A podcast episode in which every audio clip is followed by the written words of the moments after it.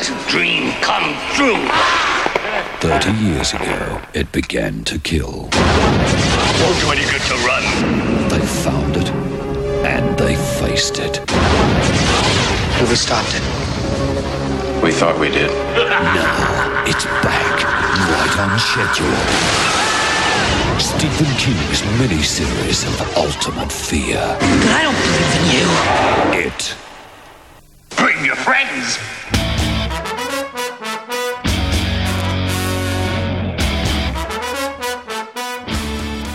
Witamy bardzo serdecznie w kolejnym odcinku podcastu Radio SK. Dzisiaj mówi do Was Hubert Spandowski, czyli Mando i jest ze mną większa ekipa. Michał Rakowicz, Jerry, witam Cię bardzo serdecznie. Cześć. Czołem panowie.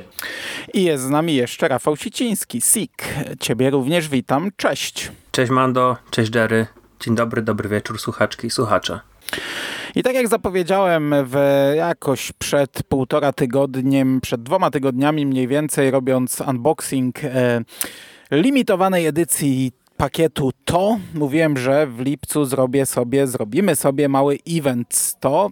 No i teraz właśnie przechodzimy do dania głównego, do pierwszego dania, czyli Korzystając z okazji, że pod koniec lipca będzie miało ogólnoświatową premierę dokument Pennywise The Story of It, postanowiliśmy zapełnić te białe plamy, które mamy i omówić, e, porozmawiać sobie o pierwszej ekranizacji książki To, o miniserialu z roku 1990 e, zrobionego dla stacji ABC, dwuodcinkowym miniserialu od czego zacząć? E, no dobra, dobra. Standardowo, czy oglądaliście ten film, czy macie jakieś wspomnienia, czy macie jakiś bagaż, czy to było pierwsze podejście? Jerry, zaczniesz? Wiek przed urodą. E, no ja Mando e, może nie zaskoczę, bo o tym prywatnie rozmawialiśmy, mm, ale pewnie dla wielu słuchaczek i słuchaczy to będzie zaskoczenie. Ja ten miniserial widziałem teraz w całości po raz pierwszy. Widziałem go za dzieciaka w jakichś fragmentach, e, bo pamiętam, że on leciał w telewizji. Ty to masz szczęście, że mnie poznałeś, kurczę. Tak, tak, tak, dokładnie. Takie białe plamy kultowe, różne e, kingowe, przynajmniej można pozapełniać, czasem lepsze, czasem gorsze. Podpalaczko pamiętam, nie zapomnę nigdy. I yy, tak jak widziałem właśnie wiele fragmentów z tego serialu, bo pamiętałem dokładnie w tej chwili, jak oglądałem niektóre sceny, niektóre sceny widziałem, no bo umówmy się, ta kreacja Pennywise'a którą stworzył tutaj Tim Carrot, ona też przeszła do historii w zasadzie kina i popkultury, więc no, jakieś wspomnienia mikroskopijne miałem, ale mówię tak, żeby świadomie obejrzeć ten serial od deski do deski, to zrobiłem to teraz po raz pierwszy. Także będę miał świeże oko na ten miniserial. A propos podpalaczki, w wywiadzie dla Roberta Ziembińskiego, reżyser tego filmu, e, zapytany, czy czytał wcześniej powieść, to powiedział, że to nie czytał, to znaczy przeczytał przed zrobieniem filmu, ale w momencie, gdy zaproponowali mu to jeszcze nie, ale oczywiście czytał wiele innych książek Kinga i e, w, jako jedyną, jako tą, którą najlepiej zapamiętał, wymienił podpalaczkę właśnie. Przy czym nie powiedział, czy zapamiętał ją pozytywnie, czy negatywnie. Siku. Ja pamiętam znaczy ja mam identycznie jak Jerry. Od tego zacznę. Ja mam identycznie jak Jerry. Yy, za dzieciaka pamiętam dokładnie sytuację, w jakiej znalazł się ten film mnie w domu. Yy, bo to był serial, który leciał mi się wydaje na jedynce albo dwójce. I jedynkę moja mama obejrzała ze swoim partnerem yy, w, normalnie w telewizji, a z tą dwójką było związane to, że byli na, byliśmy na imprezie jakiejś i była wielka obraza majestatu, bo gospodarze byli obrażeni, chyba jakieś dwa lata się do mojej mamy nie odzywali, bo moja mama po prostu wstała i wychodzimy i przyjechaliśmy taksówką, żeby obejrzeć drugą część, czy oni, żeby obejrzeć drugą część to to leciało, nie wiem, 23, coś takiego. E, i, I oczywiście moja mama zamiast powiedzieć, że ja pamiętam dokładnie tę sytuację, bo grałem wtedy w Ponga i w ogóle byłem strasznie niezadowolony, że muszę wychodzić. I moja mama oczywiście zamiast powiedzieć, że się źle czuje czy coś, to ona powiedziała, że jedzie oglądać serial, nie? E, ale też, żeby go nagrać. I ja później e, byłem ciekawy, co to jest. I włożyłem sobie oczywiście kasetę do odtwarzacza, kiedy mojej mamy nie było, bo, bo to był horror, więc to gdzieś tam musiałem oglądać przy niej, ale wróciłem ze szkoły i, i, po prostu z ciekawości to włączyłem. I powiem szczerze, yy, wiecie, byłem rozczarowany. Nie wiem, bawiłem się klockami Lego, jednym okiem na to patrzyłem, ale w tym nie wiem, 94, 5 roku, mogło to być te, takie lata, e, kiedy to leciało, to, to, to, to mnie zrobiło na mnie wrażenia, nudziłem się. Ja też pamiętam głównie właśnie tę część pierwszą, ale chyba dotrwałem w domu do, do oglądania do tej kolacji w chińskiej knajpie i na tym się skończyło.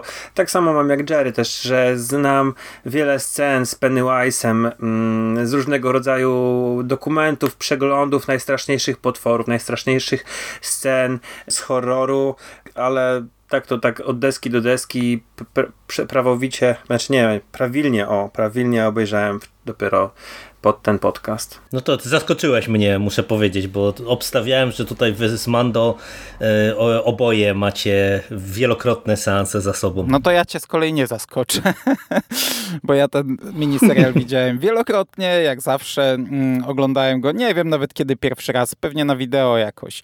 I, I wiele razy widziałem na wideo, potem przez ostatnie 20 lat, no to już do niego tak nie wracałem, jak do większości filmów. E, jak e, wypłynęły DivXy, no to obejrzałem i wtedy miałem pierwszy raz e, w zasadzie tą pełną wersję, bo u nas na VHS-ie ten film był wydany mm, na jednej kasecie i miał 168 minut, czyli to jest jakieś 25 minut mniej, jeśli moja matematyka mnie nie zawodzi, bo ten film ma ponad 190 minut, 193 mniej więcej. Mm, I pamiętam wtedy podjarany, nie? że wow, nie? wersja reżyserska jakaś czy coś. No to się okazało, że to w zasadzie wersja normalna. To mnie przez całe dzieciństwo dawano wersję okrojoną. E, ale powiem wam, że ta, ten VHS na tyle mi się wbił w pamięci, że jak teraz oglądałem, a wydaje mi się, że wracałem do tego filmu po dobrych 15 albo więcej latach, e, to i tak potrafiłem wskazać sceny, które, których nie pamiętałem, żeby one w tym filmie były. E, także ta wersja stara mi się wryła w głowę. Natomiast ten film miałem jeszcze na DVD. On do pewnego czasu nie wyszedł w Polsce. Długo nie wychodził w Polsce na DVD. Dopiero jak, jak wyszła nowa wersja, to e, wypuścili taką serię, nie pamiętam jak ona się nazywała, tam jakieś czarna seria czy coś takiego i tam były... Taki box był kingowy, znaczy, nie? Z tego co to, pamiętam. Ale nie, box kingowy to nie pamiętam. Ja mówię o takiej serii, gdzie była obecność, gdzie była Annabelle, nowe to, stare A, to, okay. takie nowe okładki, trochę rysowane jakby. Mhm. Mm, myślałem, że to było pierwsze wydanie starego to w Polsce. Jeśli było jakieś inne, no to ok, ale zmierzam do tego, że ja sobie kupiłem e, wiele, wiele lat temu DVD brytyjskie, bo ono miało polskie napisy i to w tamtym okresie, tam te, te naście lat temu, no to było coś, wiesz, w Polsce nie było, ale mogliśmy sobie kupić na nośniku z polskimi napisami, a w sumie całą tą e, historią zmierzam do tego, że tam był tytuł Coś. Czyli ten film e, teoretycznie funkcjonuje pod dwoma tytułami. E, na brytyjskim wydaniu DVD miał tytuł Coś, czyli jak Carpentera. Mhm. No. Natomiast e, oryginalnie leciał on w dwóch częściach. Budżet tego miniserialu wynosił 12 milionów. Nie mam pojęcia, ile on zarobił. Ziembiński napisał w swojej książce, że ABC zapłaciło za to 10 milionów, a zarobili 10 razy więcej, ale ja nie znalazłem informacji, ile zarobiono na tym. Przy czym to był ogromny sukces. E, na Wikipedii jest podane, że 30 milionów e, widzów, e, licząc sumarycznie obie części.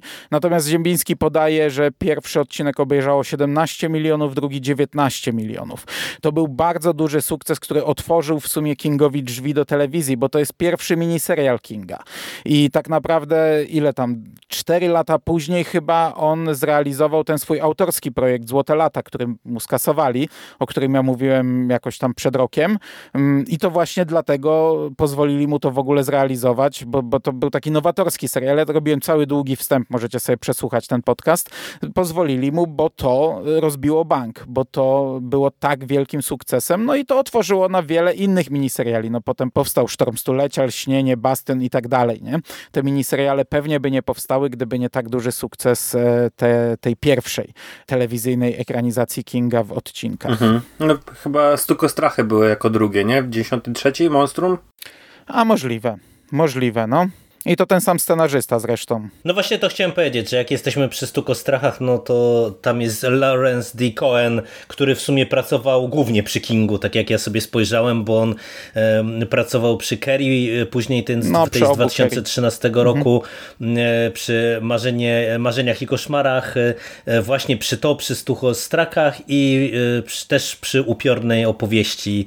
E, co prawda to nie King, no. no ale też okolice, mhm. tak e, można powiedzieć przez Strauba, który z Kingiem jest związany, także on głównie ma taki kingowy dorobek. No a ma w ogóle małą filmografię. Do Marzeni Koszmarów zrobił fajny odcinek, koniec całego bałaganu, ja go całkiem miło wspominam. Tak, to jest jeden z tych odcinków, które ja najlepiej pamiętam, więc tak, to, to był niezły odcinek. Przy czym Lawrence D. Cohen jest e, scenarzystą pierwszego odcinka, a drugi odcinek już zrobił wspólnie z Tomim Lee Wallace'em. Tam już jest dwóch scenarzystów przy drugim odcinku. Czyli reżyserem, nie? Jednocześnie. No, Tommy Lee Wallace to reżyser, ale jeszcze zanim o nim, to tutaj ciekawostka. E, pierwotnie ten film miał robić, uwaga, uwaga, George A. Romero.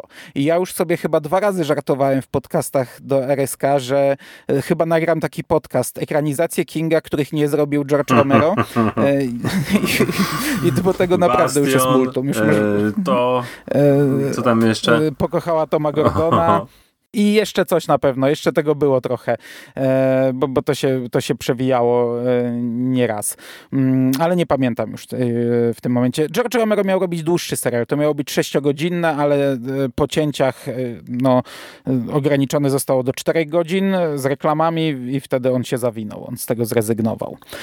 Natomiast Tommy Lee Wallace to jest, ja już też o nim mówiłem, jak nagrywaliśmy Halloween, to o nim dosyć sporo mówiłem, bo to jest prywatnie przyjaciel Johna Carpentera, który w sumie wprowadził go do filmu. Oni się znają od podstawówki, studiowali na tej samej uczelni i on od początku w zasadzie z Carpenterem pracuje.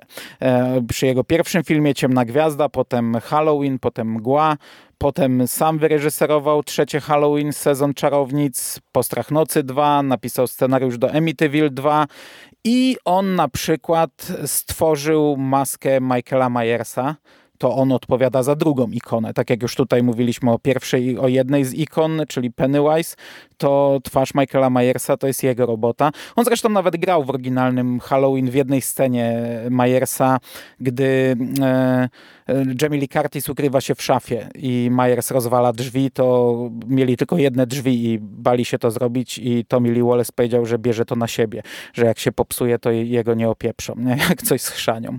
No i to tyle chyba, bo nie, nie ma co tutaj e, przeciągać o samym Wallace'ie. No to jest w sumie ciekawe nazwisko. Ja nawet też E, dopiero na etapie odpalania tego serialu to się zorientowałem, że to on robił, no, bo w ogóle tego nie kojarzyłem, e, ale to tak jak wspominasz, to właśnie przez te konotacje z Carpenterem i, i z horrorem szeroko pojętym, no to to zawsze przyjemnie zobaczyć właśnie też takie horrorowe nazwisko przy horrorowym serialu, no bo właściwy człowiek na właściwym miejscu. Tak by się wydawało przynajmniej.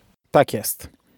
I teraz, e, skoro jesteśmy przy nazwiskach, czy jedziemy przez aktorów? Bo tego trochę tutaj jest. No, jest tego dużo. Mhm. wiesz co, no, jeżeli, jeżeli chcesz, oczywiście. Ja też o wielu nie mam specjalnie dużo do powiedzenia, no ale na pewno no, no. o Neto Tool coś tam wiem.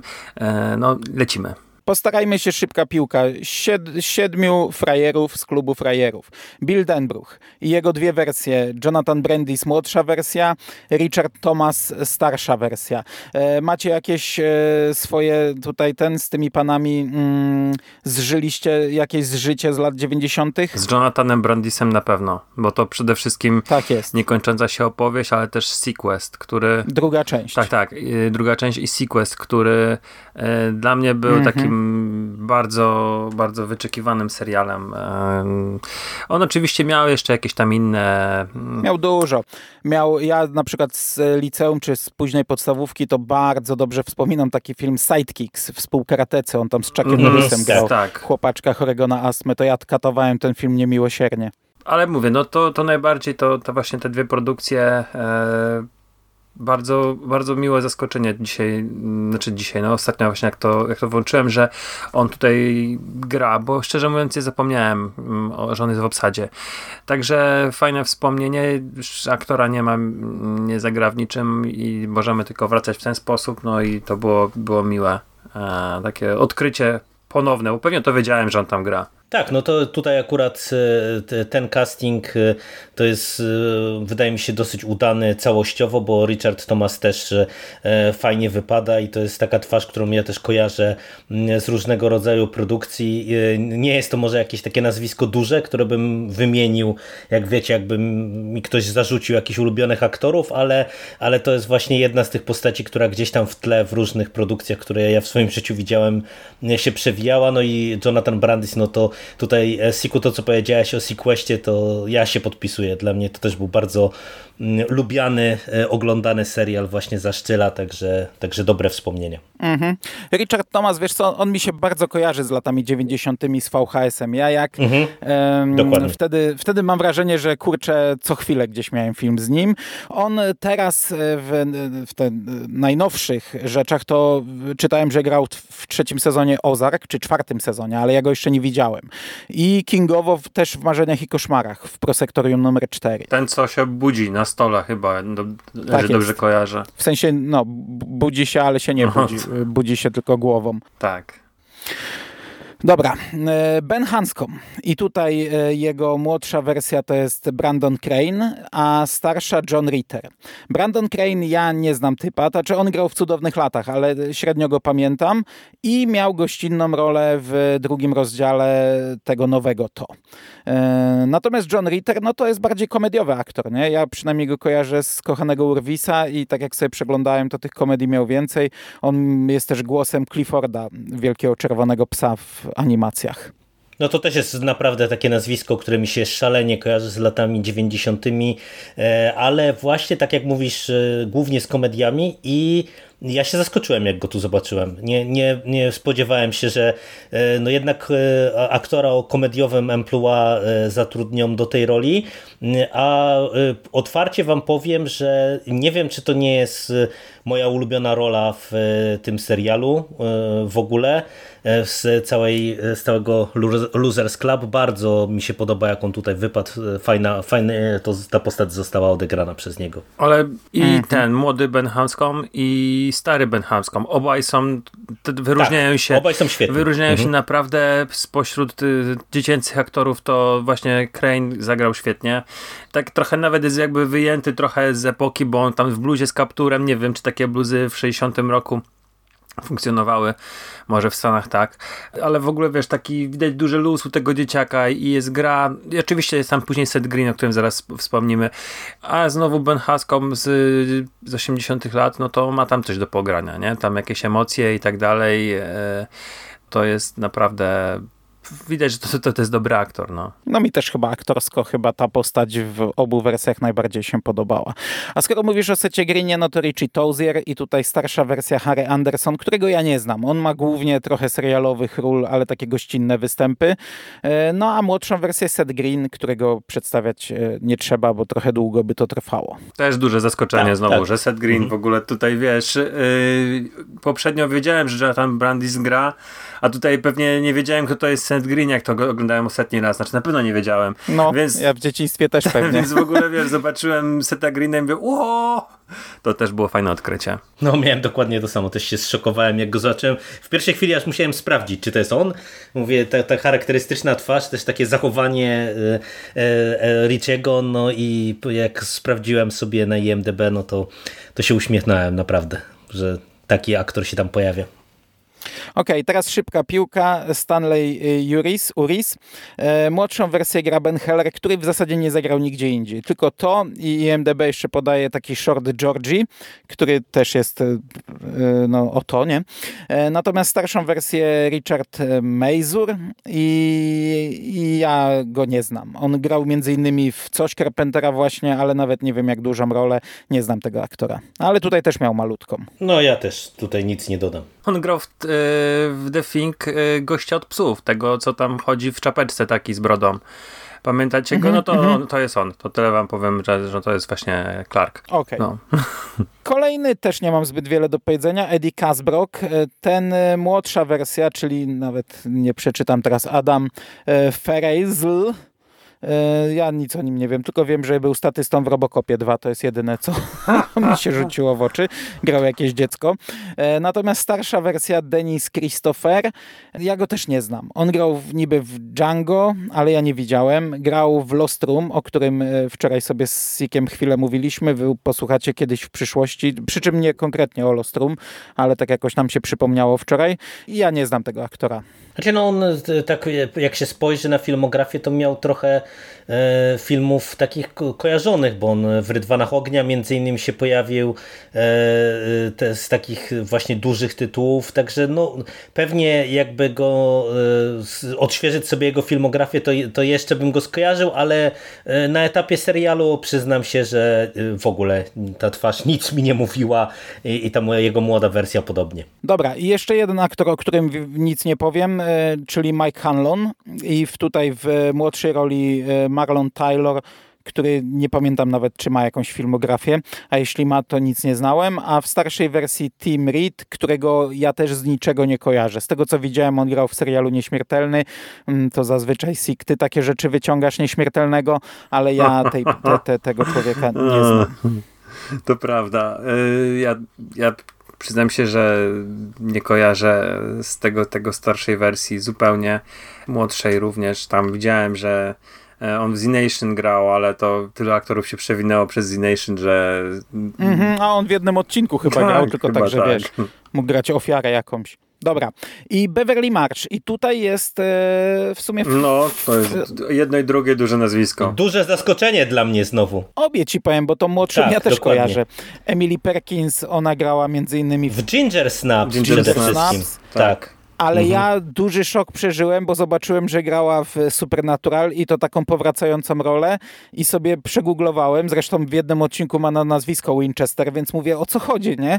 I ona grała taką psychofankę e, sama Winchestera, gdzie w jednym odcinku właśnie, nie pamiętam, czy to jakaś alternatywna rzeczywistość była, czy coś, był ślub ich i ona została jego żoną.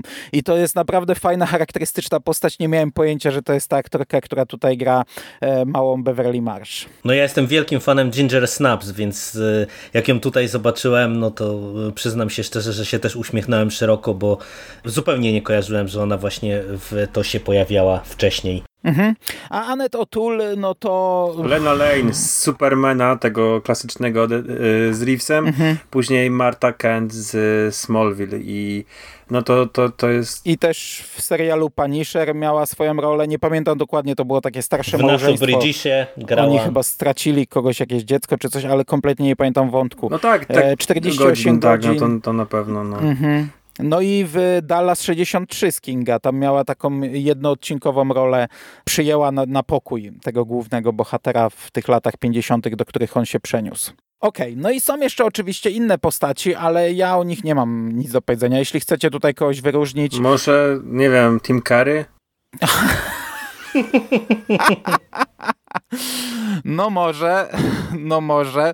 To poczekaj, to zostawmy na koniec, a ja jeszcze dwa zdania powiem o, o, o tych drobiazgach, bo w sumie przypomniało mi się żonę Billa Denbrucha, gra aktorka, która a, grała główną rolę mm -hmm. w, mhm. starym, w starym Black Christmas, między innymi, ale e, twarz stamtąd kojarzona.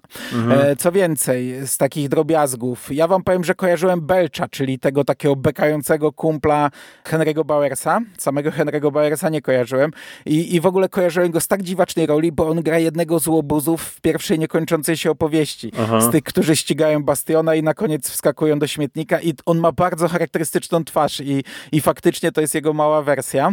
Jeszcze bym chciał powiedzieć jedno zdanie o pierwszej ofierze, o tej dziewczynce e, na rowerze, która ginie e, przy praniu, bo ona e, też grała w Kerry, w tej środkowej z 2002 telewizyjnej i w ogóle ona ma bardzo dużą filmografię. Chyba Final Destination 3, jeśli dobrze pamiętam. Natomiast ojciec Beverly grał też w kingowej ekranizacji Sklepik z marzeniami, grał tam Pita Jerzyka, e, męża Wilmy Jerzyk. I to by było na tyle, jeśli... Aha, nie, jeszcze jedna rzecz. W jednej palacz, scenie pojawia palacz. się William B. Davis. To jest w ogóle kurcze, wiesz co, ja obejrzałem ten film i dzisiaj sobie tak, wiesz, jadę po tych nazwiskach na IMDB i patrzę, o kurde, nie? Mówię, no przecież e, nie tak dawno omawialiśmy Martwą Strefę i tam też niby był palacz w roli kierowcy e, karetki i, ja go nie znalazłem. No przeglądałem ten film, googlowałem, nic nie znalazłem i do dziś nie wiem, czy to był błąd, czy on gdzieś faktycznie jest i mówię dwa razy ten sam błąd z tym samym nazwiskiem, to już nie przypadek, ale tutaj mi Google szybko znalazło. On gra nauczyciela w jednej scenie na stołówce z Richim Tozierem i potem mi się przypomniało, że ktoś mi o tym mówił już na zjeździe, tylko nie ta pamięć, nie? Także palacz też się tutaj pojawia. No i jeszcze kierowca taksówki. ten ma w ogóle to, ten, ten, ma w ogóle portfolio, filmografię wielką z, i to z jakimi tytułami, nie? Tak. Y, Jay Brazil, czy tam jak to czytać. Y, w ogóle to jest ciekawa sprawa, bo przeglądamy filmografię i on grał Jerego na przykład, między innymi. tak z wyglądu pasuje chyba. Ale to nie jest moja biografia, jakby co.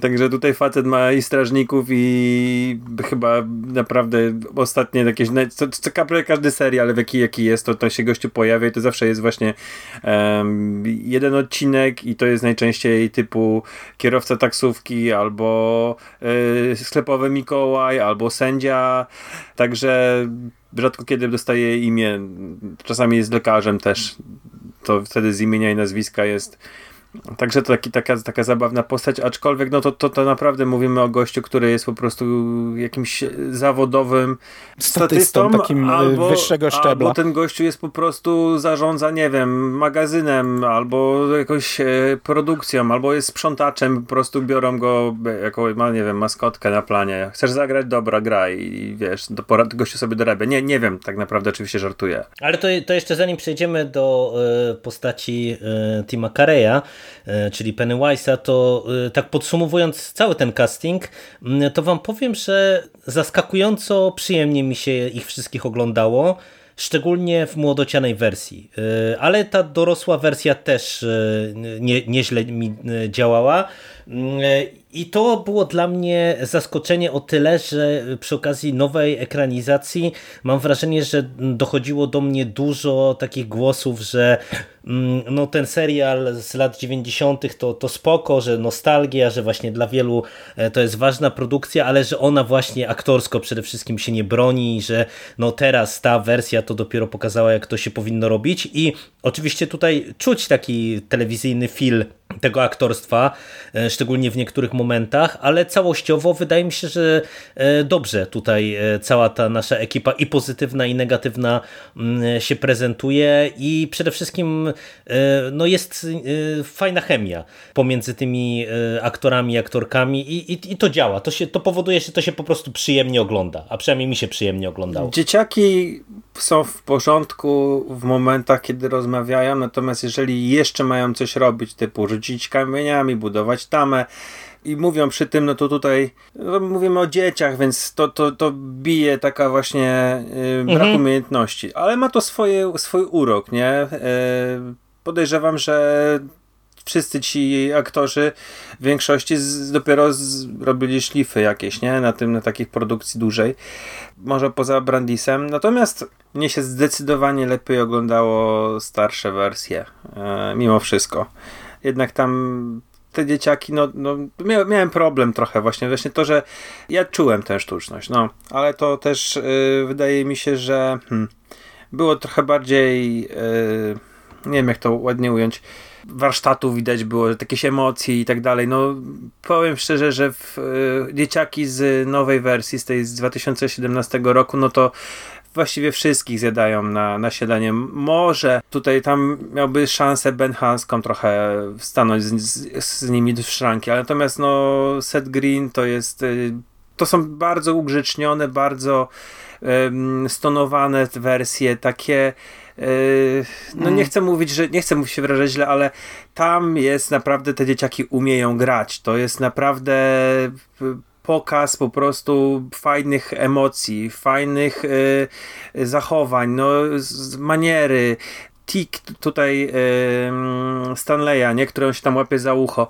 no to nie wiem, jakieś tak nienaturalnie to wyglądało. Tak, tak właśnie. Ale nie, wiesz to, ja bym nawet nie chciał porównywać, Nie, bo, ja wiem, bo tak wiem, jak mówisz, ale- no, to, to, to jest kinowa wersja, to jest zupełnie inny poziom, nie? No tutaj to, to jednak ta telewizyjność bije pod, pod tym Dobra, kątem. koniec, nie? zamykam się, bo, bo to No ale sensu. też inne czasy, no tak, nie? Na inne rzeczy mogli sobie pozwolić, na inne żarty. Eddie jest zupełnie inną postacią przecież. To też prawda. A tu jest ten taki Eddie z tamtych czasów, Bip, nie? bip. Ale powiem wam, że powiem wam, że mm, w wywiadzie znów dla Roberta Ziembińskiego e, Tommy Lee Wallace mówił, że casting dorosłych był przez telefon, że w zasadzie to były tak rozpoznawalne nazwiska, że tam nie było żadnych próbnych zdjęć. E, Casting polegał na kontakcie z agentem i, i umówieniu się, czy przyjmują te role, nie?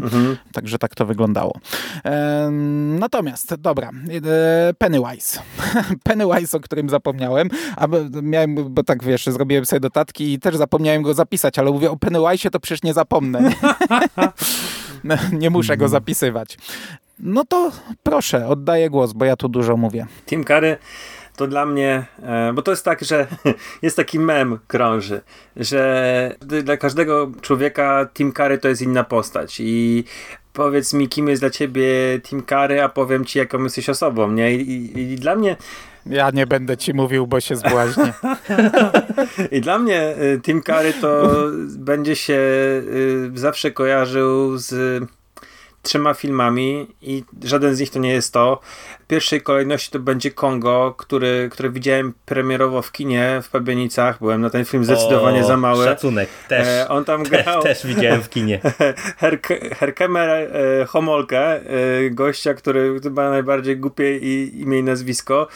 Później dla mnie drugi film to jest e, Rocky Horror Picture Show, gdzie gra e, doktora Frankfurtera i trzecie to jest Wadsworth e, z Clue, czyli ekranizacji gry planszowej. I te trzy filmy, które wymieniłem, to będzie dla mnie Tim Curry. Facet, który oczywiście ma dziesiątki filmów na koncie i, i wiele z nich jest fantastycznych, ale będzie mi się do końca życia kojarzył właśnie z tymi, które wymieniłem, bo to po prostu były te pierwsze filmy, które, które z nim widziałem. Facet jest niesamowity, ma fantastyczny głos, bardzo rozpoznawalny, e, ma niesamowitą Mimikę. charyzmę, ma mimikę, dokładnie.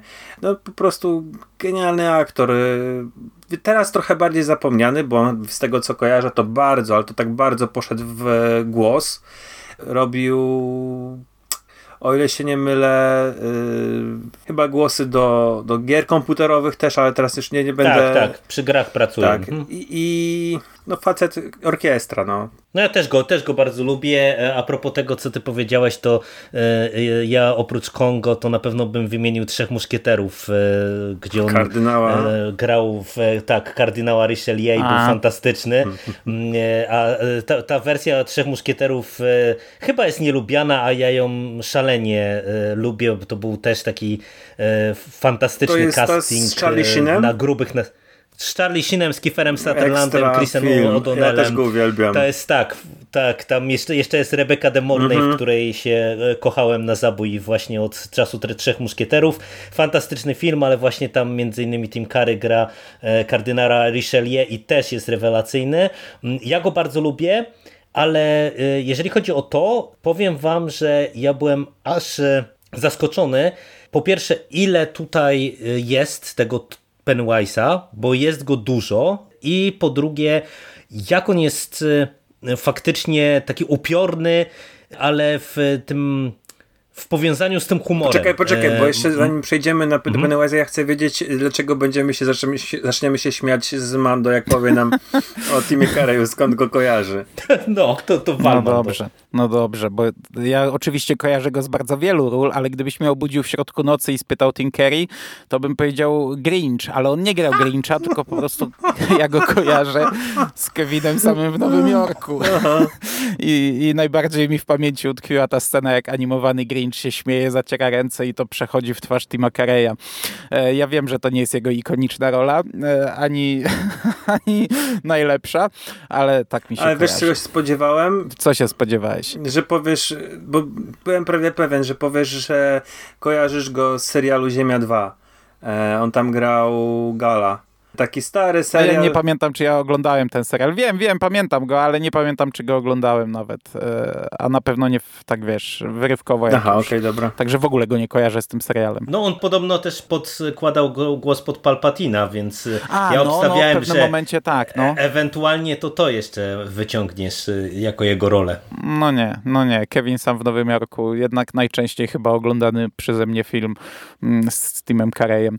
E, dobrze, to już, już to zakopmy, Dobra, zapomnijmy. Jerry, przepraszam, że ci Natomiast, Tak przerwałem. jak powiedziałeś, ale tak jak powiedziałeś, mimika i oczy i głos, no i on to tu wszystko wykorzystuje, bo tu gra Mhm, w końcu w masce, nie, nie gra twarzą, więc widzimy te, te jego cechy, które są no, tak rozpoznawalne, tak charakterystyczne, nie? Tak, i tutaj naprawdę y, on robi niesamowitą robotę i ja się absolutnie nie dziwię, że ta kreacja weszła gdzieś tam do kanonu mm, filmowej grozy, bo to jest y, rewelacyjna robota, rewelacyjna aktorsko, ale też u- uważam, że pod kątem efektów specjalnych, kostiumów, y, właśnie całej kreacji Pennywise'a, tego y, jak on tutaj funkcjonuje, to jest naprawdę kawał fantastycznej roboty i to się nie starzeje, wydaje mi się.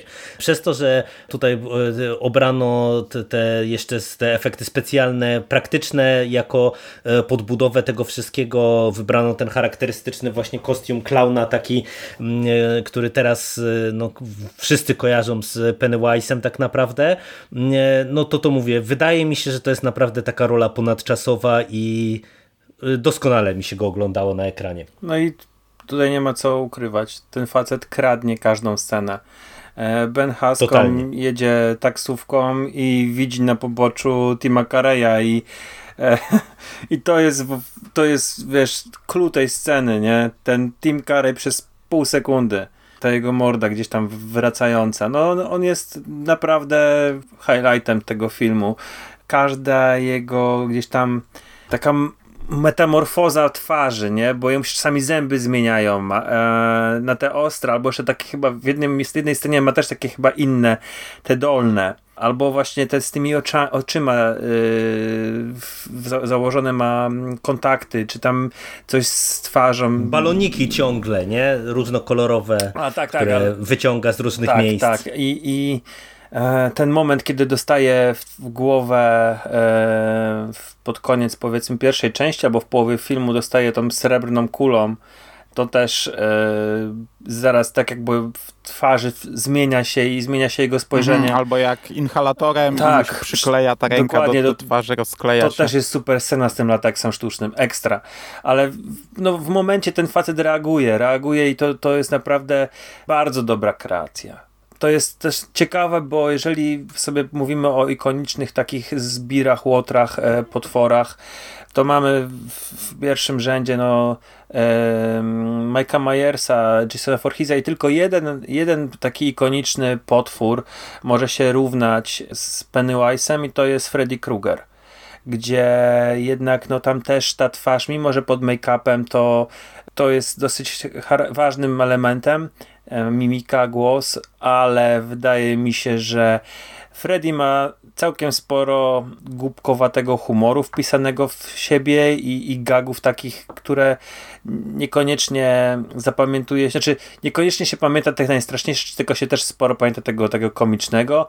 Natomiast tutaj mamy postać teoretycznie komiczną, czyli klauna, który macie rozśmieszać i tam nie ma absolutnie ani jednej sceny, gdzie by cię rozśmieszył. Że po prostu pamiętasz wszystko jako... Nawet oglądasz to i sobie myślisz, Fakt, tutaj, tutaj tak, tak, to jest po prostu najbardziej straszna kreacja klauna. Nawet gdzieś on tam się śmieje. No ale klauny to są chore skurczybyki. No, czy kiedyś cię bawiły klauny? Pamiętasz dzieciństwo w cyrku? No bo ja pamiętam No nie dzieciństwo wiem. w cyrku. Najbardziej Ja- ja- ja- przerażające ja tym- sceny były jak... Dzieciństwo w cyrku. Ja nie wiem, gdzie tam cię rodzice zamknęli i, i no, jak zarabiałeś nie, na no, pamiętam, życie. jak nas ale, zabierali. Rozumiem. Jak nas Ja zabierali, no wiesz, można było na wszystko patrzeć, ale moment jak wychodziły klauny i zaczynały się się rozglądać po sali i szukać dzieci, to, to się tylko modliłeś pełen, pełen strachu, żeby na ciebie nie spojrzał i ciebie nie wyrwał, nie? No. O rany. A jeszcze nie znałem to. Także clown zawsze był straszny, namalowany uśmiech na twarzy, to jest, e, to jest przerażająca maska. Aczkolwiek no, y, no on się na lata wbił jako ikona i ja nie chcę tutaj teraz znów porównywać do nowego, bo to jest y, temat na dyskusję następną godzinną, ale, ale w sumie jestem też w szoku, że udało się to zrobić, e, bo, bo pamiętam, że przed nowym to, to wydawało się zadanie nie do wykonania. A na przykład teraz jak myślisz o to, to myślisz o czerwonych balonikach. Ja, ja w ogóle zapomniałem, że on miał wiele kolorów. Tak, to, tak, to- to nie, nie było ma, ciekawe. No, Mhm. no nie ma w ogóle takiego, że, że czerwony ma się z nim kojarzyć. To są kolorowe baloniki po prostu Mhm. tutaj, nie? A mam jeden e, taką propozycję w sumie, bo mam jeden e, temat związany z Pennywise'em, który mógłby nas po, poprowadzić trochę do, do fabuły i do innych elementów, Mm, e, a mianowicie efekty specjalne i w ogóle wykorzystanie to, które mm, z jednej strony jest super, bo mam wrażenie, że jak na telewizyjny budżet, e, to e, naprawdę widać, że e, robili to z pomysłem i w oparciu o takie efekty specjalne, żeby, oni robiły, żeby one robiły wrażenie. E, Bo przyznam się szczerze, że naprawdę te sceny takie, jak na przykład mamy tam sekwencje pod prysznicem, takie, które by mogły w tej chwili y, wyglądać zwyczajnie źle czy śmiesznie, a one nadal robią wrażenie. Co prawda, no to się, umówmy się, trochę się to zestarzało, jak on otwiera, jak Zestarzało on, się, oczywiście. Jak on wyciąga ręce przez ten odpływ i, i te kafelki Mhm. tak odgina i to jest taka plastelina e, po prostu pokładkowo zrobiona, no to, to, to wygląda... Okej, nie, to nie jest tak, że, że się zaczynasz śmiać, nie, czy coś, ale, ale no widać, że to jest e, Ale wiesz, no, ale to e- było efekt widać... innej epoki, nie? Tak, to, to było widać też te 30 lat temu, tylko chodzi mi o to, że wiesz, że nadal te efekty są zrobione w taki sposób, że one robią ten efekt, o który chodzi, że jak mają wywoływać, nie wiem, napięcie, czy przerażenie, czy obrzydzenie, to to wywołują, a nie wywołują taką konsternację, jak masz nieraz przy efektach sprzed lat, że widzisz e, słabe CGI albo gumę i się śmiejesz po prostu z politowaniem. E, A tutaj na przykład taka scena też, która mi się szalenie podobała, to z tymi ci- ciasteczkami chociażby, e, gdzie tam każdy dostaje ciasteczko i e, mamy inny jakiś tam efekt, tam tu oko, tu jakiś tam owad, tu coś Tak. tam. E, Su, super to, to robiło wrażenie. Natomiast e, e, nie wiem, czy się ze mną zgodzicie, ale to jest dla mnie chyba w zasadzie jedyny tak naprawdę poważniejszy problem z tym miniserialem, że ja się nie spodziewałem, że tego Pennywise'a będzie aż tak dużo i wydaje mi się, że to powoduje, że trochę tonacja całego tego serialu jest taka płaska, ja bym powiedział. E, to, żebyście mnie zrozumieli o co chodzi, że po prostu takie po tym początku, który jest efektowny, no bo mamy tam te pierwsze zgony, już się pojawia od razu Pennywise, ale mamy tę narrację przeplataną, gdzie mamy mm, starych i nowych i w zasadzie tutaj mamy te same zagrywki cały czas, gdzie Pennywise straszy dzieci i na przykład straszy dorosłych w tym samym czasie, tylko już y, po powrocie do Dery. I trochę ja pod koniec przez to y, nie czułem napięcia, które wydaje mi się powinienem czuć w tych niektórych y, sekwencjach. No bo wiecie, po prostu to było cały czas ten sam schemat, nie? Młodzi, Pennywise, starzy Pennywise i tak w kółko, nie? I, i po Jeszcze prostu... wątek młodego zawsze był taki, że e, pokazywał tę scenę, gdzie miałeś pierwszy kontakt z to, nie? Czyli Dokładnie to, tak. czyli tam wiesz, czy to Beverly jest w łazience, czy to Ben jest, e, widzi swojego ojca gdzieś tam na, na tle tam przepompowni i, i później tego kościotrupa, czy mm, już tam nie, nie będę wymieniał po, po kolei, jak to, jak to Znaczy nie, bo to wiesz, to fabularnie to miało dużo sensu, no bo to chodziło o to, żeby później pokazać, jak te strachy będą Mhm. wykorzystywane, nie? ale wydaje mi się, że no masz rację tutaj. Tylko, że wiesz co, no mm, to chyba nie jest największy problem. Ja to, to akurat to, że jest tego Pennywise'a dużo, to szczerze mówiąc traktowałem jako plus i czekałem na, na no przyznam się szczerze, ja czekałem na efekty, na, na jakieś kostiumy, potwory, coś takiego, nie? I czerpałem przyjemność z obcowania z tymi efektami, które, wiesz co, no na, etapie na przykład scena łazienkowa, gdzie mamy mm, e, gdzie mamy Ediego Kasbraka, który, który jest wysłany przez WFIS do em, na podprysznic, bo po WF-ie nie wziął tego prysznica to jest 90 rok, już takie sceny w latach 80. mamy właśnie w wspomnianym mm, chyba drugiej części e, Tak, w koszmaru i chyba to Mhm. tam lepiej wypada. Czy to nawet później w jakiejś którejś tam, gdzie się gałki zamieniają w, mm, w, w, w głowę. Nie pamiętam, ale była taka scena gdzieś w, późniejszej już chyba którejś, też z lat 80. części. I wiesz, ym, trochę te efekty moim zdaniem też nie, nie były fajnie maskowane. To znaczy mogliby to robić, wiesz, tylko to jest znowu, jakbym teraz zacznę mówić, no to tutaj coś mi się nie podoba, to nie chcę teraz mówić, ale nie, mogli, mogli się postarać i lepiej maskować efekty specjalne.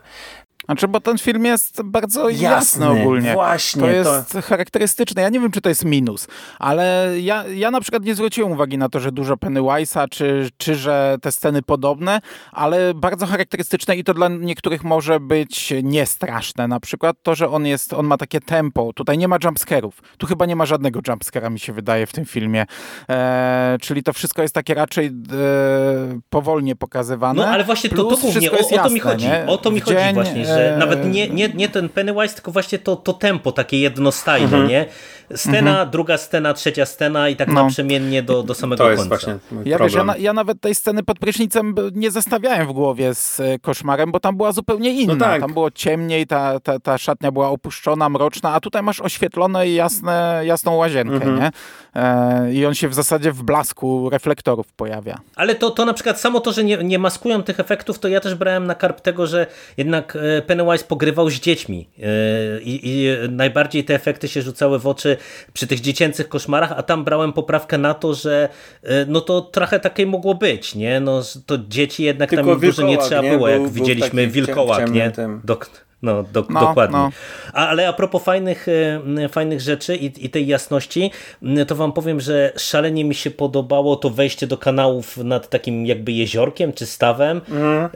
Su- super, super patent, bo to, to, to było w sumie dla mnie ciekawe, że, że, żeby zobaczyć te kanały nie tak demoniczne, bo jednak mam wrażenie, że w tej nowej wersji one od początku są tak bardzo mocno horrorowe.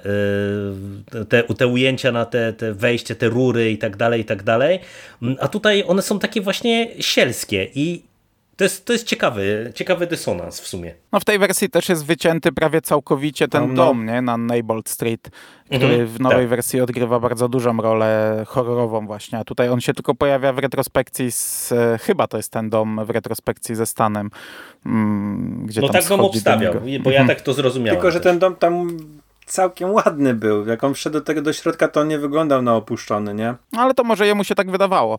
Tak jak e, Beverly wydawało się, że wchodzi do Mhm. ładnego domu swojego ojca, jak była dorosła. To też jest zresztą fajna scena z tą filiżanką. Mhm, Analogiczna jest w nowej wersji i tam jest e, to, ta- ta, babcia jest taką gigantyczną babką z takimi zwisającymi piersiami, e, taką, która aż może śmieszyć. A tutaj zagrali, znaczy o, to jest fajna scena w tej nowej wersji, ale jest tak mocno prze, po, pojechana. A tutaj zagrali właśnie tym, co ty mówisz, tą, tym, tymi zmieniającymi się elementami, nie? To, że jej się zmieniają zęby, to, że ona tak siorpie, to, że jej się za chwilę zmieniają oczy, za każdym razem jak ją widzimy, coś się w niej zmienia, nie? Jakiś drobiazg. No to sierpanie jest upiorne. Strasznie mi się podobał ten, ten pomysł. Ta- Taki, taki prosty patent, ale rewelacyjnie to wyglądało. Czy raczej brzmiało. Dobra, ale teraz nie wiem jak przejść dalej, czy już sobie tak będziemy skakać temat w temat, bo fabuły już raczej streszczać e, chyba nie ma co. Nie ma, nie ma, po co? Mm, Ja bym chciał jedną rzecz poruszyć, e, ale to jest drobiazg. Nie wiem, czy tego na koniec nie zostawić. Przy czym kluczowa, no dobra, to nie drobiazg. E, Tutaj mamy te dwie linie czasowe. Rok 1960 i 1990. I to jest trochę zmienione, bo w książce e, było 27 lat. Tutaj chyba dla uproszczenia zrobili 30 i zrobili pełen rok. W sensie, no, akcja teraźniejsza dzieje się wtedy, kiedy wyszedł film. W książce to był chyba 85 i 58, żeby było 27 lat. I jedna rzecz, bo e, czytałem sobie Roberta Ziembiskiego i to jest jedna rzecz, z którą się nie zgadzam, a on na tym oparł trochę tę swoją recenzję, bo on tam mówi, że przeniesiono akcję filmu o 10 lat, co nie jest prawdą i że to bardzo zmieniło cały klimat historii, bo e, ta Hmm. linia z przeszłości to nie są już lata 50., tylko 60., więc to jest zupełnie inna epoka i zupełnie inaczej. To są bzdury. 1960 rok to tak naprawdę 50 lata. w matematyce to są nadal 50 Tak myślałem, lata że to i to jest tylko no, no, to znam. jest tylko dwa lata później, wiesz, dwa lata Ale to później nawet po, niż... po wyglądzie Bau Bauersa i jego bandy widać przecież, że No, to, to jest w zasadzie no. ta sama stylistyka. Jest bardzo mocno w tym klimacie. Ja, ja w ogóle nie pomyślałbym o latach 60., e, mówiąc o tej. Ja tak samo, szczególnie, że jeszcze nie ma Wietnamu, jeszcze się tam, to, to, się, to się jeszcze Wietnam nie wydarzył, a tak naprawdę moim zdaniem i zdaniem wielu osób, które analizują sobie, no nie wiem, kulturę amerykańską, popkulturę amerykańską, to e, Utrata niewinności Wietnam, dokładnie, nie? to jest to, a tutaj mamy jeszcze wspomnienie em, tego, nie Stanleya, tylko Bena, który mówi, że mój tata zginął w Korei, czyli to są to są ten czas. Tak, no. tu rock'n'rolla nie ma jeszcze w, w zasadzie na poważnie, nie ma Wietnamu. To jest nadal ten sam sierski klimat e, rodem z lat 50. Wydaje Znaczy, mi się w tak, że książce to... rock and roll był, ale ten taki wcześniejszy. Tak, wcześniejsze takie Mhm. potem, Tak, co, tak. co to ten, no, potańcówka, ludzie na potańcówce spłynęli, tak? To jest o tym mówisz, czy? Mhm. Okej. E, W ogóle Richie Tozer dużo słuchał, A, przynosił mhm. radio i tam z Beverly Marsh, oni dużo słuchali tego i to była ta muzyka niedobra, dorośli jej nie lubili. I ja wam powiem, że mnie się, tak teraz patrząc na te czasy, bo to jest też rzecz, którą bym chciał poruszyć, ja przez lata byłem zakochany w tej, w ogóle to lubiłem właśnie za lata 50., bo ja bardzo lubię lata 50., chociaż późniejsze też, po Wietnamie też bardzo lubię czytać książki rozgrywające się w tym czasie, E, ale dzieciństwo z lat 50. to był właśnie klimat Kinga e, i to tutaj jest. I, I to tylko tak chciałem poruszyć, że e, może się zgadzam z wami, że to aktorstwo dziecięce można mieć e, zastrzeżenia do różnych rzeczy, chociaż, e, chociaż w ogólnym rozrachunku gra, to ten klimat został fajnie odtworzony. Ta część książki, pomimo tego, że bardzo skondensowana, bo to są krótkie rzeczy, to nie jest tak jak w tej nowej wersji, że pierwszy odcinek to są tylko młodzi, drugi odcinek to są tylko starzy. Ten pierwszy odcinek jest cały czas przecinany starymi. To jest e, telefon, e, to jest ten rozdział sześć rozmów telefonicznych. Telefon do jednej postaci, my poznajemy jej całe życie w pigułce teraźniejsze i ta postać wspomina jakiś jeden fragment i jeszcze wracamy do tej postaci, ona coś robi. I kolejny telefon i znów poznajemy następną postać w teraźniejszości, więc gdyby tak to okroić i ktoś by to wymierzył, to tych dorosłych jest tutaj znacznie więcej e, w tym miniserialu, ale mnie się e, klimat tego szalenie podoba. E, To, to jest coś, za co ja w sumie ten miniserial bardzo polubiłem. Okej, tutaj widać też takie, y, no nie wiem, chociażby em, ojciec w stosunku do Beverly, jaki jest. I tutaj nawet nie ma jakiejś, kurczę, po, pokazanej patologii. No, czy patologii w sensie, że Pius czy coś w tym rodzaju, nie? Uchlewa się i narkotyzuje, tylko to jest po prostu bardzo ostry ojciec, nie? Który tam e, dyscyplinuje swoją córkę i nie pozwala jej na kontakty z chłopcami i wymierza jej jakąś tam karę cielesną. A mm, wiecie, y, jeżeli chodzi o pokazanie na przykład takie sceny, to mnie się szalenie podobały te sceny, takie przebitki e, z jazdą na rowerze i z Mike'em Hanlonem, gdzie Billy są, wiesz, tak jest, jest taka, jak już Bill wraca do, do Dery i spotyka się z Mike'iem i Mike ma na niego rower, Silver i, i to strasznie fajna scena, naprawdę taka wow, łapiąca za no nie wiem, za serce zresztą powiem, że e, No, taki przerywnik z muzyczką jak oni tam sobie e, przy tym rowerze dłubią, jeżdżą razem, bawią się, nie? Fajne. Ja wam powiem jeszcze jedną rzecz. Może mnie ten film nie, mm, nie przestraszył. Może mnie trochę znudził. E, Mam tam parę zarzutów jeszcze, ale wiecie, ja się wzruszyłem i mi się łzy poleciały. W- Oczywiście to, to była taka, taka kulminacja, bo, bo oglądałem ten film tak jak przystało na raz. Nie robiłem żadnych notatek, odłożyłem telefon, tylko w pewnym momencie zrobiłem przerwę jedną, ale obejrzałem sobie ten film wieczorem i, i naprawdę przyjemnie mi się go oglądało. E, ale wzruszyłem się i właśnie między innymi na tej scenie z tym rowerem. Nie wiem, po prostu mnie gdzieś tam sopałem. Mówię, o, ho, ho. No bo to jest bardzo wzruszająca historia. Do pewnego czasu, gdy ja jeszcze byłem młody, młodym twardzielem i mało płakałem, teraz jestem starym, rozklejającym się dziadem i bardzo łatwo mnie wzruszyć. To są bardzo prostymi trikami, można mnie teraz wykręcić, ale do pewnego czasu to była jedna z trzech książek, na jakich ja w życiu się popłakałem. Tylko, że ja akurat na końcu, jak, jak zaczynałem zaczynają zapominać i wiem, że ta cała przyjaźń była tylko też, po to, nie? Mówię... tylko po to, żeby zwalczyć i, i, i, nigdy o tym nie pamiętać. To jest po prostu dla mnie ho, ostatnie interludium to jest y, strasznie smutna rzecz w książce. No i tutaj w tym serialu też to pada. Bo a jeszcze jest scena, gdzie oni jadą za Adri e, na rowerze, to też mnie też wzruszyła. No to było drugi, drugi raz. To jest super scena, moim zdaniem. Mhm. Także wierzę ci, że podobają ci się lata, te, te przedstawienie tych lat 60. czy 50. E, mnie się podobało też przedstawienie lat 80., czyli 90., bo to jest y, parę fajnych scen, które, które mi się szalenie podobały. Właśnie te, te sześć takich telefonów. Bardzo mi się podobała scena z, y, z, z, z, z Edim, z dorosłym Edim który, który jest tam jakimś bardzo bogatym właścicielem przedsiębiorstwa z, limuzy z limuzynami. E, bardzo podobnie, fajną miał scenę Richie Tozier, gdzie on tam wychodzi na zaplecze po jakimś programie i mówi, że później, że mm, tam jakiś, rozmawia ze swoim chyba menadżerem, żeby go zastąpił Jay Leno.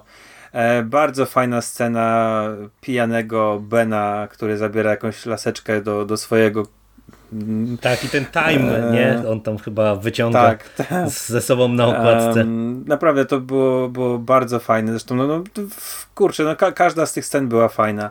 I bardzo mi się podobała scena, nie wiem czy nie bardziej niż ta z tej nowej wersji, scena w chińskiej knajpie gdzie oni tak wchodzą i to jest takie wygląda jak, nie wiem czy byliście na jakichś spotkaniach klasowych, eee, tak no tak, tak. dokładnie, że wiesz, że pierwsze co to woda.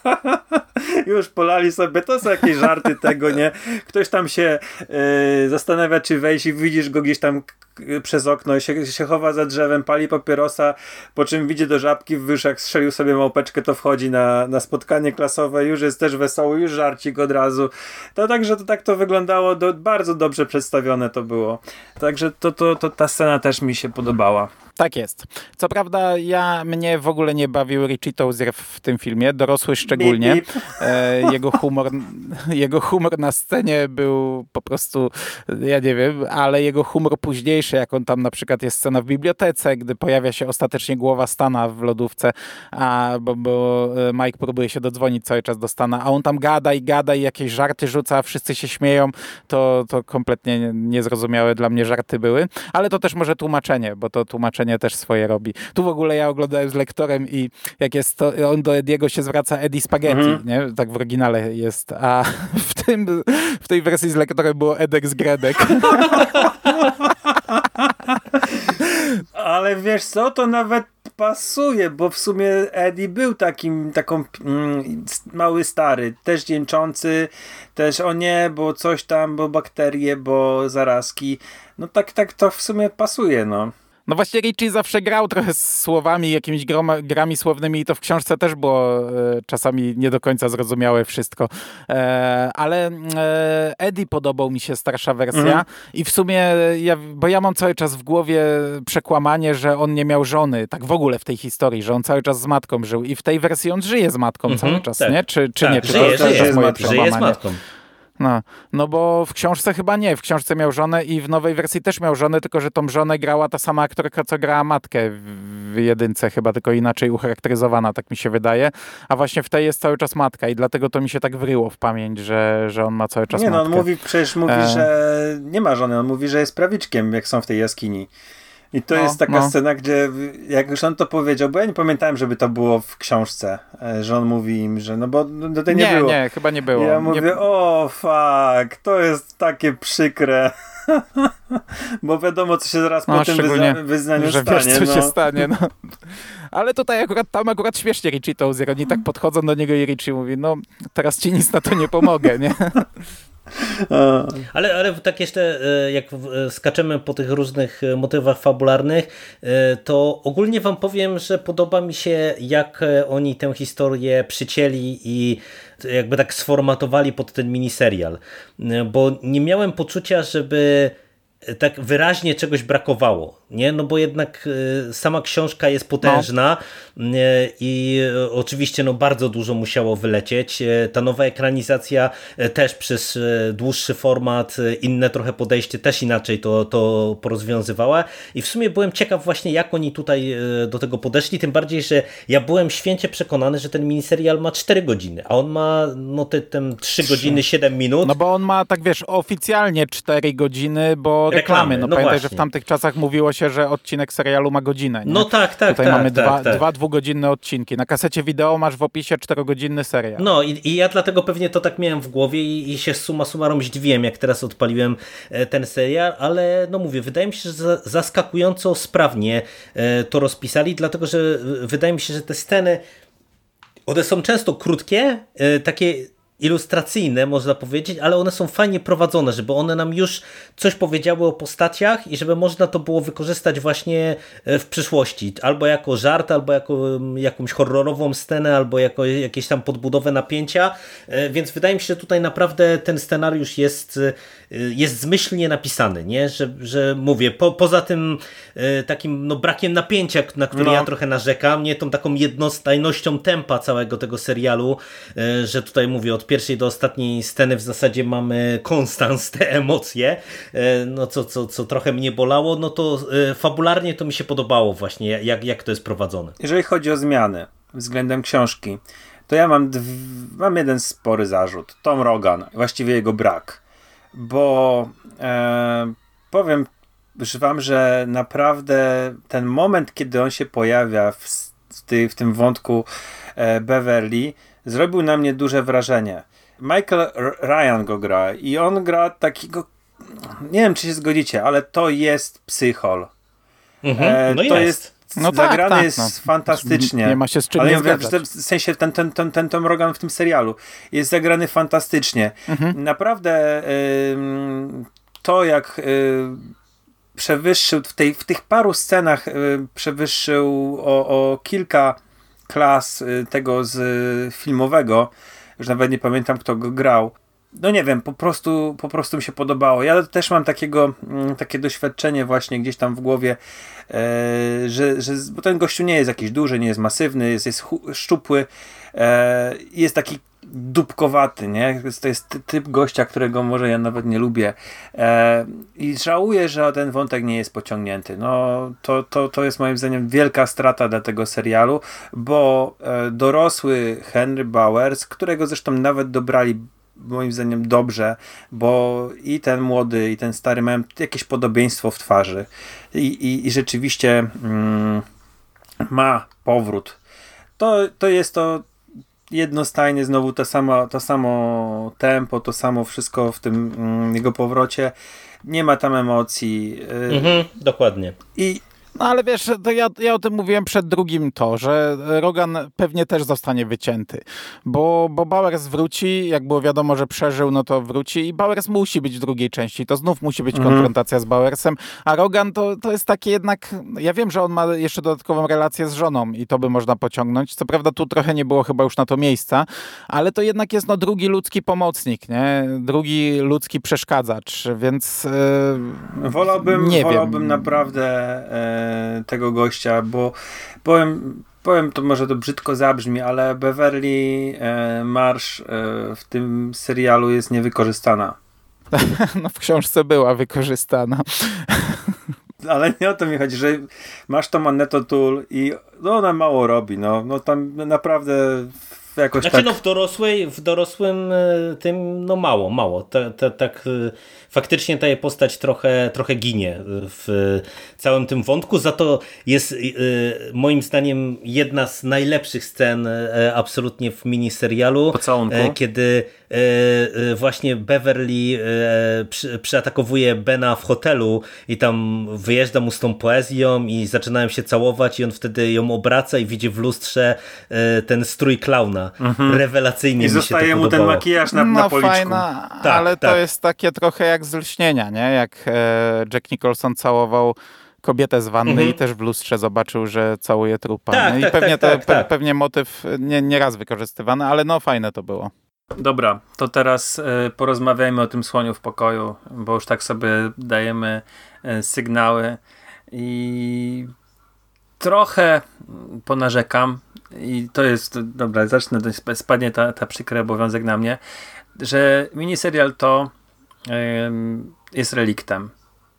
I szczerze mówiąc, mimo że ja lubię e, ramotki, to jako produkcja telewizyjna jeszcze odstaje od tych rzeczy z lat 80. i 90., które trafiały mm, do kin. Czyli mamy tam powiedzmy pewne ramotki horrorowe, bo rozpatruję to jako, jako horror, mm, jako opowieść y, grozy powiedzmy. E, czyli mamy załóżmy rzeczy, które wchodziły do kin i, i mamy po, różny poziom, ale realizacyjnie jednak e, widać, że to jest zupełnie inna liga, no bo to jest telewizyjny serial, powiedzmy, tak, robiony na film telewizyjny, o, dobrze, to, to tak ujmijmy. I to, co wielokrotnie sygnalizował Jerry, że totalny brak tempa. My to oglądamy trochę jak, nie wiem, mm, taką opowieść bardziej niż y, film, który ma mieć y, jakieś punkty kulminacyjne, jakieś budowanie napięcia, jakiś y, podział na akty. Mm, no, jako całość, oczywiście, jako to czterogodzinny, to rzeczywiście może, może było to tak zaplanowane, natomiast no, jako powiedzmy dwa, dwa osobne filmy, do tego brakuje strasznie wlecze się wiele, wiele scen po prostu nastawionych na, mm, na wywołanie w widzach. My tej nostalgii nie możemy czuć, bo nie żyliśmy w latach 60., ale mam wrażenie, że bardziej na, na wywołanie nostalgii niż na wzbudzenie strachu jest mało straszny. Jako horror w ogóle się nie, tak naprawdę to jest jedynie Tim Curry jest e, elementem, który buduje i to trzeba sobie samemu w głowie moim zdaniem też zbudować e, horror i straszność Tima Carego, Tima Careya, e, niż to, że on właśnie, że występuje, wiesz, w, w, w, głównie w dzień, w jasnych pomieszczeniach. Bardzo rzadko jest to scena e, w jakimś ciemniejszym, czy w nocy, mm, a później jak już mamy konfrontację finałową, no to mamy do czynienia z e, albo z po prostu animacją poklatkową, na zasadzie, no nie wiem, potworów y, dinozaurów z lat 60. czy wcześniejszych, albo gumowego potwora. I tak naprawdę czar trochę pryska w tym finale. Mamy olbrzymiego pająka, nie wiem, Mando, Mando się boi pająków. Bałeś się tam, Mando? Mm, Czułeś nie. jakieś nieprzyjemne uczucie miałeś czy coś? Bo, bo, bo no właśnie. Nie, bo ja się boję konkretnych pająków, a takich tam, wiesz, działkowców najbardziej, a to jest sztuczny pająk. Okay który w sumie pojawia się też znikąd trochę, bo nie pamiętam, chyba było sygnalizowane, że oni nigdy nie widzieli jego ostatecznej formy. Gdzieś chyba w jakimś dialogu to pada, że ktoś był najbliżej, że chyba właśnie Stan, Stan był najbliżej zobaczenia e, ostatecznej formy, więc pamiętam, że to, to było poruszane. Tam się przebijało spod tego ptaka chyba, nie? Tak, tak jakoś tam co on... Mm, no, dawno, dawno temu było poruszane, że ten pająk jest nieuzasadniony i w ogóle znikąd się pojawił, mm, ale wracając do tego, czym mówisz, ja się trochę z tobą zgadzam, bo tak jak mówię, to jest... To, to jeśli ktoś oczekuje strasznego horroru, może się odbić. E, bo Pennywise, jeśli sobie to wkręcimy, jeśli uda się na nas podziałać, to podziała. Ale jednak on, on, on często sobie żartuje, on stoi gdzieś tam w dzień, e, w plenerze, w tym pełnym kostiumie. Jak, jak ktoś sobie tego, jak ktoś tego nie złapie, tego haczyka od razu, to, to raczej przez cały serial będzie to dla niego śmieszne albo żenujące i to może tak zadziałać. Do tego to tempo jest e, takie, jakie jest mm, i, i tak jak mówię, no nie ma tutaj, nie ma jumpscarów i nie ma taki, takiego straszenia, e, do którego przyzwyczaił nas horror i to jest taka telewizyjna opowieść. Ja, ja tego nie traktuję jako minus, ale ja jestem trochę mało obiektywny, bo ten serial ja w sumie bardzo lubię od pierwszego razu. E, I, I, tak jak Jerry mówił, że spotkał się z falą jakiejś tam krytyki, ja się, dla mnie to była sinusoida, bo od, od jakichś 20 lat w internecie mniej więcej z tym tematem się zderzam i, i, i to raz jest po prostu pod niebiosach chwalone, a raz krytykowane. Ja zawsze ten serial lubiłem, zawsze i, i za każdym razem jak do niego wracam, mi to nie przeszkadza. Dla mnie ta, ten klimat, tam ta muzyka, ten serial dostał za muzykę w sumie Emmy nagrodę. I, ale muzyka jest akurat fajna i, i moim zdaniem ona jest dobrze wykorzystywana, więc trochę się nie dziwię. Mhm. Jak płyniemy przez to sobie, przez tę opowieść, mi to nie przeszkadza, ale rozumiem, że może to przeszkadzać. Znaczy, ja y, powiem otwarcie, że y, bawiłem się fantastycznie. Y, łyknąłem to prawie, że tak jak zaplanowano telewizyjnie, bo w dwa wieczory, ale z lekkim przesunięciem, bo najpierw obejrzałem 70 minut, później resztę mm, i wyjątkowo bezproblemowo mi się to oglądało. Naprawdę czerpałem przyjemność z seansu, ale ja się ogólnie też zgadzam z taką oceną, którą wy tutaj wystawiacie, czyli że to jest dyskusyjny serial z obecnej perspektywy, bo ja biorę poprawkę na to, że jednak e, żyłem w latach 90. i 80., oglądałem dużo tego rodzaju produkcji e, i mm, tak jak ja nie mam nostalgii do samego serialu, to jednak wiecie, te praktyczne efekty specjalne, właśnie pe pewne e, telewizyjne patenty, do których ja jestem przyzwyczajony e, jeszcze z tamtego jaskinia, okresu. No. Tak, tak, właśnie dokładnie. Takie, takie różne drobne kwestie, które budują cały ten taki fil tego miniserialu telewizyjnego, bo to czuć, że to jest produkcja telewizyjna, e, to to powodowało, że mi się to oglądało po prostu przyjemnie. Taki bardzo E, fajny powrót do, do e, produkcji, których już się nie robi i które też coraz rzadziej oglądam, no bo umówmy się przy ograniczonym ilo ograniczonej ilości czasu wolnego, no to jednak coraz częściej wybieram premierę, a nie jakieś starsze produkcje.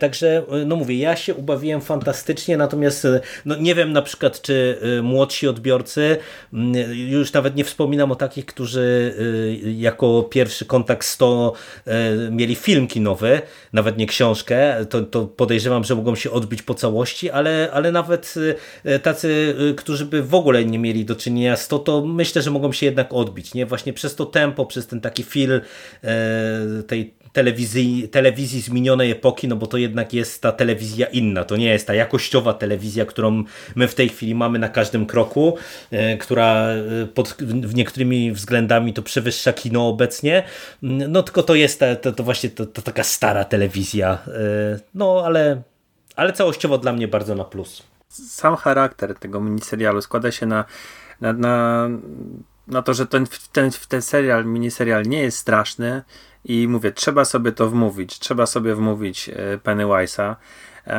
A druga sprawa, no chociażby dlatego, że jak oglądałem to w 95, 6 roku, z 10 lat miałem, to, to, to ten, ten Pennywise mnie nie przeraził. No. Nie, ja nigdy nie, nie kupowałem koszulek z Pennywise'em, nigdy ja nie mówiłem, że to jest taki yy, fantastyczny nie wiem, złol, a to był taki czas, że on mógł mnie przerazić i to, to jest taki PG-13 horror, nawet nie, to jest taki no, no, dla takich młodszych nastolatków mogą sobie spokojnie to obejrzeć.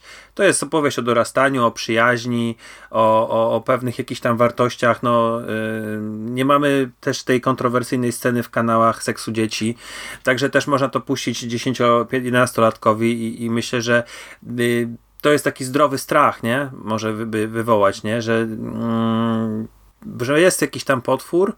Tylko teraz pytanie, no ty mówisz, że, że klauny są, są jakieś zwyrodniałe i tak dalej i są straszne, no myślę, że ten, ten serial zrobił dużo złego klaunom dużo złego tak, PR-u. Tak, to się tam odbijało echem w ogóle i, i przy nowym to też się o, o, odbijało. Właśnie. Że ludzie pracujący w ten sposób, no nie byli zadowoleni. No, myślę, że Joker też, ale już teraz y, wracając do tego.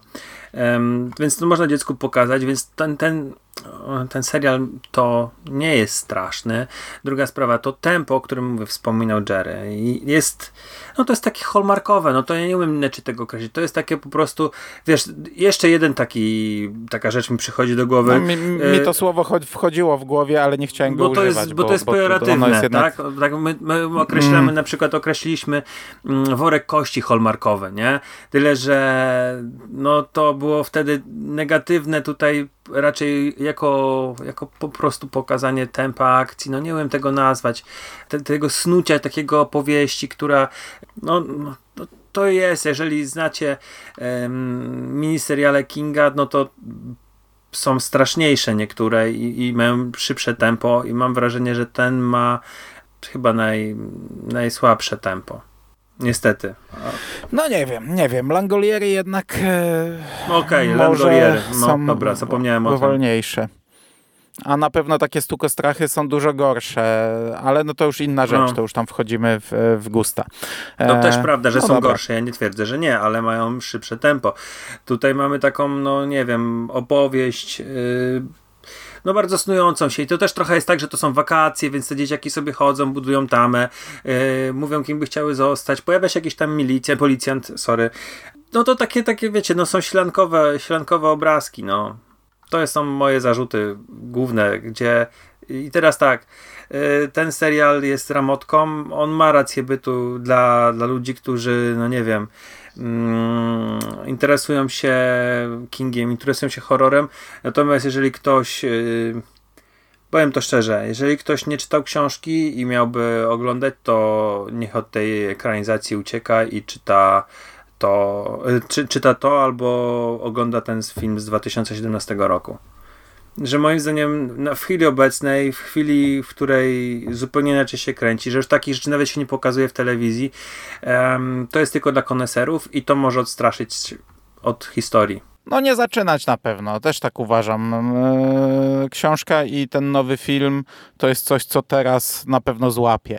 A potem jak sobie powrócisz do starego, to może, może się spodobać. To mhm. może się naprawdę spodobać, tak jak wiele starych wersji różnych filmów e, mogą się spodobać, tak tutaj również, ale nie zaczynałbym od tego. Dobrze, czy coś jeszcze chcemy poruszyć, bo nasze tempo naszego podcastu powoli zamienia się też w, w, w tempo e, serialu. Nie, ja się, się, ja się chyba wyprztykałem. Jeszcze jeden mam, o, wiesz, to jeszcze mi się jedno przypomniało, co, co zwróciłem uwagę. Mów. Bo tutaj mamy, tutaj nie mamy żadnych scen morderstw takich pokazanych. Pamiętacie scenę, gdzie Mike e, ma wycięty na brzuchu przez Henry'ego tam napis, nie? No tu nie ma tej sceny. Nie ma tej sceny. Tak, właśnie, czyli takiej sceny nie ma. Nie ma... Znaczy on zaczyna mu ciąć, ale, ale. No tak, wiem, wiem. Nie Mike, tylko ten. Ben. Ben, ben co? Ale Ben ko kopie go, odbija się od niego i no spada. tak, no tutaj też obciął guziki Urisowi, no ale to, to wie, wiecie, chociażby właśnie to, że nie ma krwi jest grzeczny ten serial, nie? No, krew jest tylko w scenach gdzie jest takich, gdzie krew się, czymś, co by leciało no, z komuś Gdzie wypływa tak. skądś, no, strzela z balonika albo wypływa spod zdjęcia, a tak to krwawych scen zabójstw nie ma. Nie ma seksu, tak, tak jak powiedziałeś, i to nie tylko seksu dzieci, no już to pomińmy, ale w książce był też seks między dorosłymi, mm. to tego też tutaj nie ma. Tu jest tylko takie dziwne pocałunki na powitanie, które były jakieś takie Tak, to, to w sumie bo... też było dziwne, bo Be Beverly chyba całuje w usta, tak e, powiedziałbym, Billa, ro tak romantycznie dosyć, chyba trzy no, osoby e, z, ze składu. No ale Billa już tak na ostro. Tak, i, tak. Znaczy na ostro w, w tych, w tych tutaj ostro, ramach ostrości. Taki buziak. No ale wiesz, to mówimy o Hallmarku okay. powiedzmy. E, I tak jak wspomniałeś o spotkaniach klasowych, to takich przywitań nie miałem niestety, więc... A za rok będę miał 25 lat po maturze, więc może, może tym razem no to wiesz, to może ty przejmij inicjatywę, natomiast wiecie... Yy... no to, to, to są chyba te moje wszystkie zarzuty. No jest, jest, jest łagodniejszy, no wiecie, no to jest, to jest serial telewizyjny, no nie ma co się tutaj okrętu spodziewać. Nawet jak o 20 poleciał, to nie mogli zrobić go krwawego. E, chyba już nie chcę nic więcej mówić, bo ja generalnie się całkiem nieźle bawiłem, ale to mówię, ja sobie pewne rzeczy też dopowiedziałem. Natomiast no... E, tak z perspektywy mm, tych trzech godzin też nie mogę powiedzieć, że to jest czas stracony. Miło było to poznać, natomiast no, ja bym tego nie, nie chciał polecać. E, tak ostatecznie mimo, że ja sam się dobrze bawiłem, to ja nie wiem komu miałbym to polecić. No mówię, fanom Kinga, no może no. Trochę żałuję, że też tego nie obejrzałem za szczyla. Jakoś bardziej tak, wiecie, przysiadłem i, i obejrzałem, bo chyba mam cieplejsze wspomnienia właśnie z Monstrum niż z, z to. No dobra, dobra. Ja bawiłem się bardzo dobrze, ale tak jak mówię, polecam raczej jako sprawdzenie, gdy już złapiecie haczyk, gdy historia wam się spodoba. E, możecie się bawić na tym naprawdę dobrze, bo ja tak się bawię od e, 20 paru lat, wracając co jakiś czas do tego. E, natomiast to w takim razie będzie chyba wszystko. Wszystko. Jako ciekawostkę mogę jeszcze powiedzieć, że pielęgniarz, ten zły pielęgniarz, który został zagryziony przez tego dziwacznego psa w kostiumie klauna w tym psychiatryku, miał na nazwisko Kunz. Ale tak też miał na nazwisko w książce, jeśli dobrze pamiętam. Eee, I to tyle na koniec. Eee, dziękuję wam bardzo panowie za rozmowę. Dzięki. Dzięki. I do usłyszenia w przyszłości. Cześć. Cześć, cześć. Pa.